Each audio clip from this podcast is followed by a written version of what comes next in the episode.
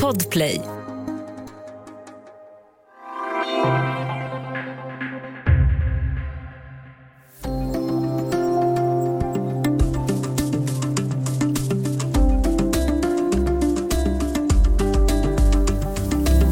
Stulna barn, rena kidnappningar, falska papper och så de ständigt återkommande historierna. Alltså de påhittade historierna som har följt med de adopterade barnen. Att de varit övergivna, oälskade.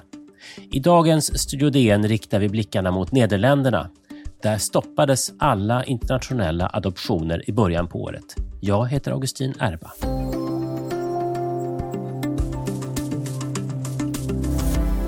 Dagens Nyheter har ju i en serie reportage av Patrik Lundberg, Josefin Sköld och Alexander Mahmoud avslöjat missförhållanden i svenska adoptioner. Eh, och Den här serien artiklar fortsätter med nya skakande avslöjanden. Eh, och idag ska vi prata om vad ett annat land som ägnat sig åt adoptioner kommit fram till. Eh, och Det ska vi göra med Patrik Lundberg. Välkommen! Tusen tack Augustin. Ehm, du och dina kollegor har ju jobbat oerhört hårt med detta, eh, den här stora serien avslöjanden och uppmärksamheten kring dem har ju bara växt för varje vecka. Så att, så att jag måste ändå bara fråga, så här, hur, hur känns det så här långt, Patrik? Responsen har ju varit eh, otroligt bred eftersom människor i Sverige har nästan samtliga någon typ av relation till adoption eller till adopterade. Alla känner någon som är adopterad. Många har adopterat. Många är adopterade. Mm. Ska vi prata Nederländerna? Eh, varför är deras hantering av adoptioner intressant för oss här i Sverige? Det finns många anledningar. Huvudanledningen skulle jag säga är att Nederländerna tillsatte för två år sedan en uh, utredning där uh, forskare fick gå igenom i princip hela den nederländska adoptionshistorien. Och de har haft ungefär samma adoptionssystem som Sverige. Och ganska många barn har kommit till Nederländerna via adoption. Vi pratar om närmare 40 000, varav 5 000 har kommit från Colombia som vi har tittat närmare, närmare på i vår senaste publicering. Mm. Ska vi lyssna på en av de eh, nederländska forskarna som du har pratat med? Sometimes children were kidnapped from the streets. What also happened is that uh, when uh, a mother delivered in the hospital, she was told that the child had died or was so uh, misformed that they didn't want to show it to her. But in fact, that child was then uh, offered for adoption against money. Um, jaha, Patrik, vem är det här och vad är det han berättar? Det här är jag, Frax, som har varit ledare för kommittén som undersökt det här. Han är professor emeritus i internationella relationer och politisk historia vid Utrecht universitet. Och han har tillsammans med de här forskarna då åkt till eh, fem olika länder, däribland Colombia, och undersökt på plats vad det är som har hänt de här personerna, särskilt då fattiga kvinnor på landsbygden i Colombia. Och detta är vad de har kommit fram till. Mm. Vi ska strax tillbaka till de här sakerna som han tog upp här. Eh, men jag måste bara fråga, vad var det som fick eh, Nederländerna att sätta igång med den här granskningen? Nederländerna har ett eh, tv-program som kanske går att likna vid Uppdrag granskning, som gjorde en stor granskning av adoptionerna till Nederländerna, i synnerhet eh, till Sri Lanka, där eh, programmet kunde avslöja eh, mycket oegentligheter i adoptionsverksamheten, särskilt kopplat till ett par adoptionsföreningar i Nederländerna. Och då beslutade Nederländernas dåvarande justitieminister att det här måste utredas och satte då tillsatte då en uh, opolitisk uh, kommission. Mm. Och hur länge sedan var och när var det här? Det var för drygt två år sedan och uh, utredningen publicerades i februari i år. Just det, och, vad, och precis. Och, och, um, och det var ju i februari i år som de internationella adoptionerna från, från, eh, till Nederländerna stoppades. Um, vad, um, ska vi gå in på um, alltså de här, det här som han berättade, den här forskaren, om, eh, om någon kvinna som eh, hade fått höra att hennes barn var, var eh, dödfött och så vidare. V vad är det för historier som, som eh, eh, vi har lyckats ta fram här ifrån, ifrån Colombia, ehm, Patrik? Det är mångt och mycket samma som eh, Nederländerna hittade när forskarna gjorde den här utredningen.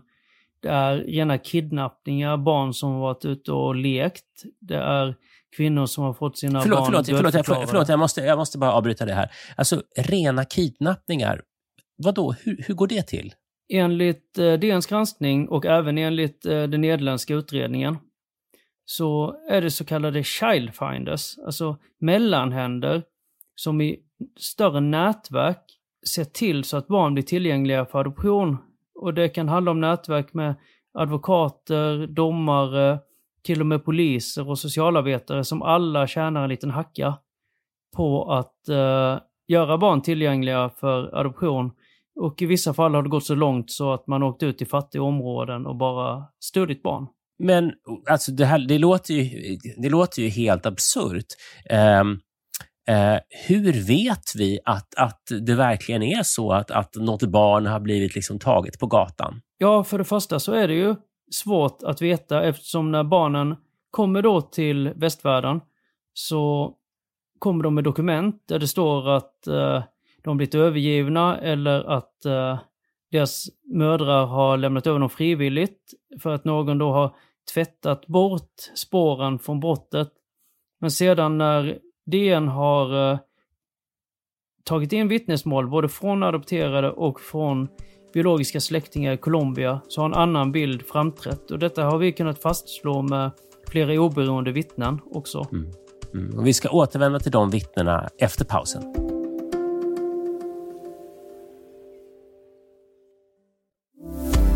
Jag sitter här med Patrik Lundberg i Studio DN och vi har just pratat om vad som har hänt i Nederländerna där alla internationella adoptioner har stoppats. Eh, och vi pratade precis innan pausen om, om kidnappningar. Alltså att, eh, att eh, child finders, som du beskrev det, Patrik, letar upp barn på olika sätt som de sen gör tillgängliga för adoptioner.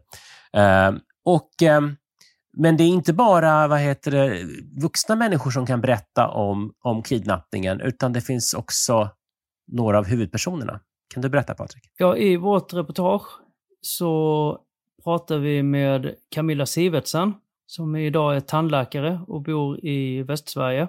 Hon var sju, åtta år gammal när hon blev kidnappad från sin by San Lorenzo i Colombia tillsammans med sin syster. Systern var mycket mindre, men Camilla, som då hette Rosalba, hon minns allting och kan i detalj berätta om hur hon blev tillfångatagen, inkastad i en jeep och förd till ett barnhem för att sedan adopteras till Sverige. Mm. Uh, och uh, att en åttaåring minns sådana saker, det är ju inte så märkligt. Jag menar, de flesta av oss har ju minnen till och med betydligt längre tillbaka i tiden. Ja, det är ju, det, alltså, um, hur, hur mår hon idag undrar jag ju då? Camilla mår ganska bra idag. Hon har fått ett bra liv i Sverige, det ska man säga. Eh, det betyder, bara för att du har råkat ut för något fruktansvärt betyder det inte att eh, ditt liv är dömt att misslyckas, utan hon driver en framgångsrik verksamhet som tandläkare.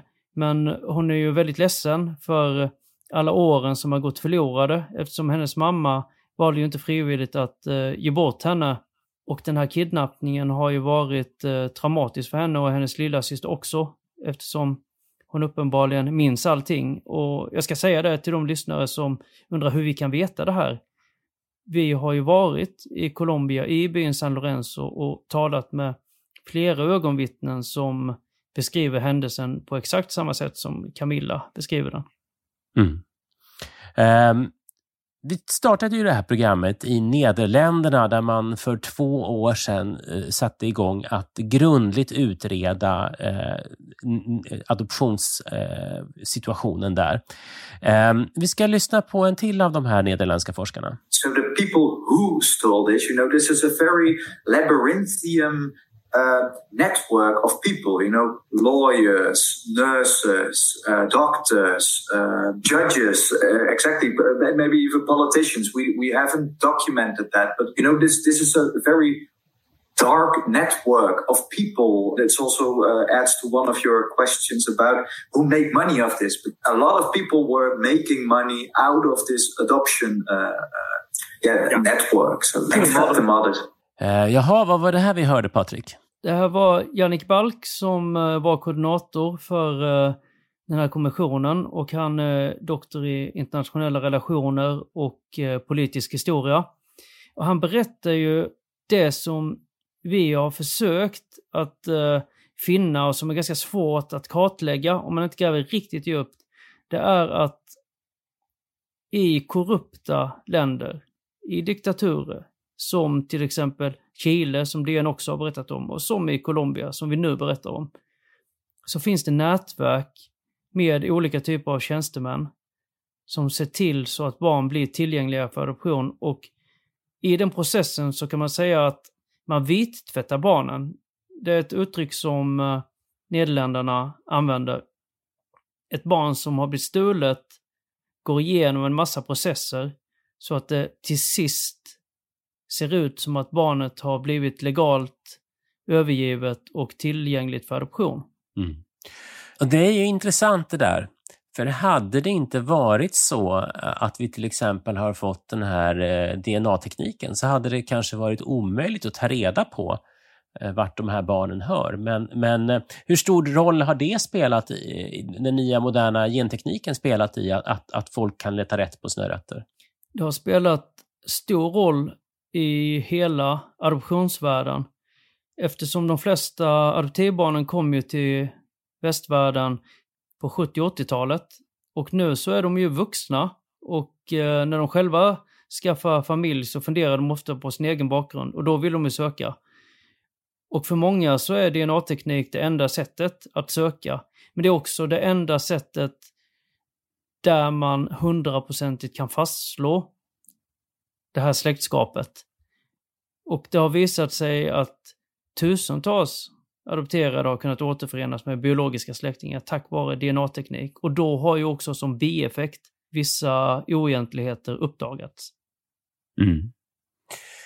Jag, måste, jag måste ju säga att jag, menar, jag är ju själv förälder eh, och, och blotta tanken på att, att eh, lämna bort eh, mitt eget barn, alltså oavsett hur fattig jag skulle bli eller, eller så. Att, bara tanken på att lämna bort mitt eget barn är ju helt, det är helt otänkbart. Eh, jag, man, jag vet inte, man donerar ju hellre liksom en njure eh, än förlorar sitt barn. Eh, och ändå så förutsattes det ifrån stora delar av västvärlden att det här var någonting som, som eh, människor i andra delar av världen skulle kunna göra. Ehm, det jag undrar, eh, och då tänker jag främst på Nederländerna eftersom de verkar ha hunnit lite längre i den här utredningen än vad Sverige har gjort. Ehm, då undrar jag, varför var det ingen som tidigare ifrågasatte detta i Nederländerna? De nederländska forskarna vi har talat med är väldigt säkra på en sak. Det låter ju som att de eh, kan belägga allting, vilket de kan när man läser utredningen. De menar dels att det fanns ett så kallat hegemoniskt narrativ, alltså en berättelse som alla köpte, som alla utgick från. Att alla de här barnen var föräldralösa, trots att de uppenbarligen inte var det. Sedan menar kommittén att den nederländska staten visste, de kände till information om de här övergreppen och det fanns information, om man bara hade tittat tillräckligt noga i Colombia, i de andra länderna som Nederländerna tittade på. Men kommissionen menar att den nederländska staten tittade bort. Varför det? Vår eh, granskning heter ju Barn till varje pris. och det säger ganska mycket även om den nederländska situationen. Att det var enligt de nederländska forskarna efterfrågan på barn som skapade den här marknaden som de kallar det, eller industrin. Som gjorde att eh, i korrupta länder så såg man till att möta den efterfrågan med ett utbud. Mm. Och nu använder ju du väldigt abstrakta termer här, efterfrågan och utbud. Men jag tänker att vi påminner ändå, eh, ni som lyssnar, om att det här är ju då barn det handlar om och eh, deras mödrar eh, och, som, eh, och föräldrar som, som eh, förlorade kontakten ibland för alltid på grund av detta. Ehm, vi har ju som, du började ju det här programmet med att berätta lite grann om de många reaktioner som du har fått och de många historier eh, som människor har skickat till dig. Ehm, och Dagens Nyheter fortsätter ju att granska detta. Jag misstänker att det här kommer nog pågå ett tag till. Ehm, om man sitter hemma och så har man en historia som, som, som man minns tydligt, ehm, vart ska man vända sig då? Tidigare så har det inte funnits eh, så många instanser att vända sig till faktiskt. Men eh, sedan dryga året tillbaka så har eh, den ansvariga myndigheten för adoptioner, MFOF, ett pilotprojekt där adopterade kan vända sig till myndigheten för att få gratis eller kostnadsfri, som man kan, säger, säga, hjälp att söka sina rötter och även om du känner att du är i behov av samtalsstöd så erbjuder myndigheten också detta kostnadsfritt. Okej. Okay. Och förstås så kan man ju alltid vända sig till Dagens Nyheter med sin historia. Ehm, det kan man ju också göra. Ehm, Patrik, ehm, tack för att du var med i Studio DN och pratade om abduktioner. Jag ser fram emot att läsa nästa del i den här serien. Eh, Studio DN det görs för Podplay. Eh, producent Sabina Marmulakai. Ljudtekniker Patrik Misenberger. Teknik Oliver Bergman, Bauer Media. Exekutiv producent och idag också programledare är jag och jag heter Augustin Erba. Tack för att ni lyssnade.